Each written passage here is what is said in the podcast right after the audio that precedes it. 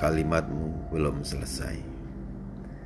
Sebaran kalimat indah kasat mata adalah kesaksian cinta yang tertata dalam pilihan kata memanjakan dunia.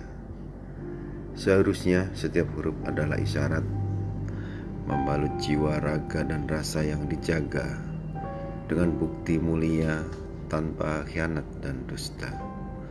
Meluruhkan amarah lalu merinduinya, menghamba atas kesaksiannya, membaca kalimat bertuah, batas hayat dan fana yang memang sudah selesai sampai titik komanya.